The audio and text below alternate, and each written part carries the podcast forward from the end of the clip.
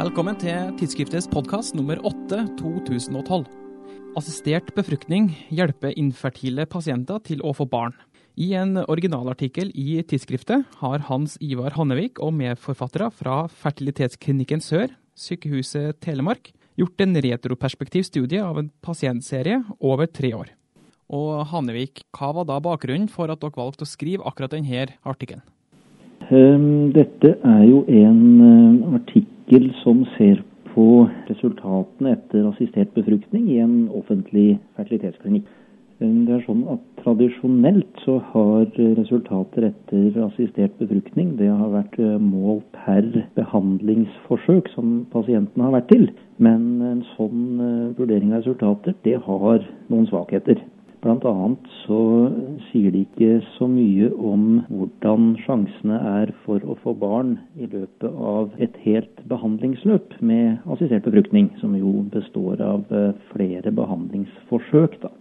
I denne artikkelen så har vi sett på en pasientserie med 546 pasienter, der vi har fulgt eh, deres behandlingsløp med assistert befruktning over tre år her ved fertilitetsklinikken i, i Porsgrunn.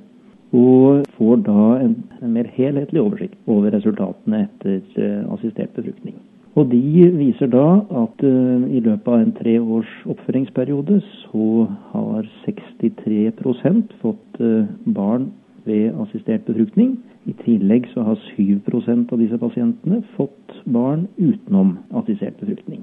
Og når vi slår sammen de, så viser det seg altså at eh, tre år fra pasientene kommer hit til oss og banker på døra for første gang, så er det 70% av dem som har fått barn. Og det syns vi er eh, tilfredsstillende resultater, og de er på linje med slik det er i våre naboland. Gjennomsnittsalderen ser jeg er på 32,2 år. Vet du noe om den har gått opp eller ned i de siste årene? Det vi vet er at endringene fra år til år de er veldig små.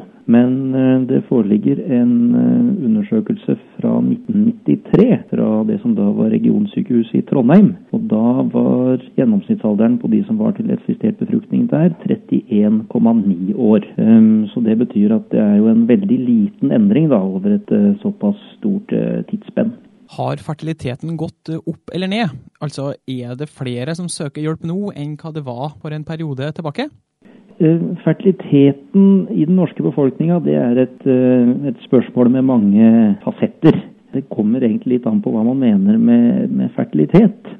Statistisk sentralbyrå publiserer noen tall på dette der de bruker noe som heter samla fruktbarhetstall på befolkningen. For å ta det nøye, da, så angir det akkurat hvor mange barn en kvinne forventes å føde, forutsatt at fruktbarhetsmønsteret vedvarer. da. Det har ikke endra seg noe særlig de siste 30 åra. Det ligger på rundt 1,8 fødte barn per kvinne. Så det er ett mål på, på fertilitet. Eh, nå gir vel ikke det hele bildet. Det er vel bl.a. sånn at det nå er et sted mellom ja, omkring 3% av alle svangerskap som er kommet ved assistert befruktning i Norge. Og Det er jo en voldsom stigning fra hvordan det var for 10-20 eh, år tilbake, i hvert fall. Men så er spørsmålet betyr det at fertiliteten har gått ned. Tja, det blir, som du forstår, eh, litt avhengig av eh, hvordan man, man definerer fertilitet. Da. Men det er i hvert fall sikkert at antallet pasienter som søker hjelp for barnløshet, det er og har vært økende i den siste tida. Jeg ser her at den største hovedårsaken til fertilitetsbehandling, det er da nedsatt sædkvalitet hos partner, som ligger da på 42,1% av tilfellene i deres eh, rapport. Har sædkvaliteten gått opp eller ned i de siste årene? Ja, det har man forsøkt å undersøke. Nå er det sånn at sædkvalitet hos menn det, det varierer voldsomt fra en uh, uke til den neste, hadde nær sagt. Så uh, det er en vanskelig faktor å undersøke. Men uh, de som har gjort store studier og forsøkt å undersøke det, har, har ikke greid å påvise at det har vært noe økt tid til spontan graviditet er oppnådd, da. Som jo er et, et godt endepunkt når man ønsker å se på, på sædkvalitet kanskje bedre enn bare akkurat å se på hvor mange sædceller det er i et, i et ejakulat. For de skal jo, det er jo tross alt graviditet eller barn som er det, det vi ønsker å oppnå til syvende og sist. Tabell 3 viser at den tredje mest hyppigste årsaken til å forlate behandlingsforløpet er da at man er psykisk sliten av behandlingsforsøkene. Hos dere så var det 12,6% Hva er det som kan, ut ifra din mening, gjøres for å bedre akkurat den biten?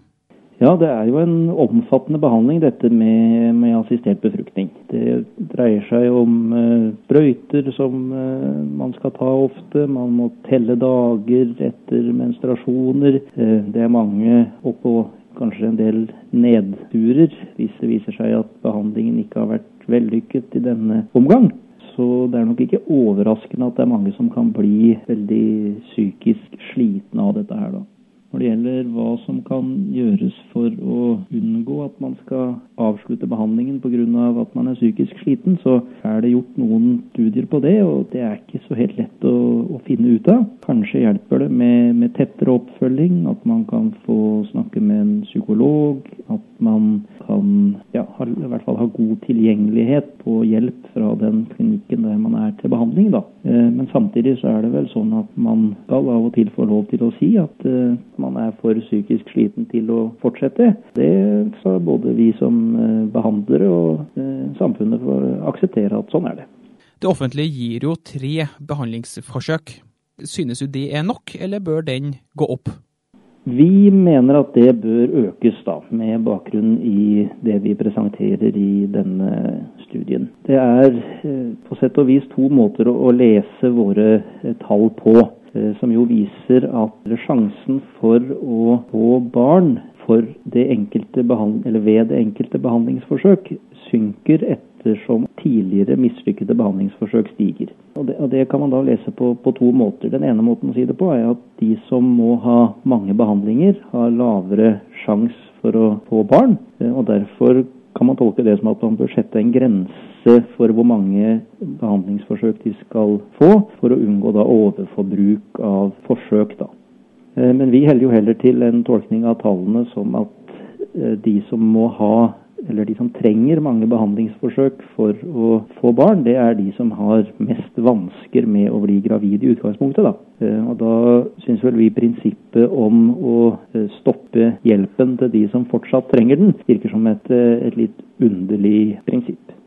Du kan lese mer om resultatet etter assistert befruktning i en offentlig fertilitetsklinikk i tidsskriftet nummer 8 2012. Jeg heter for Sivert Almvik, og vi snakkes neste gang.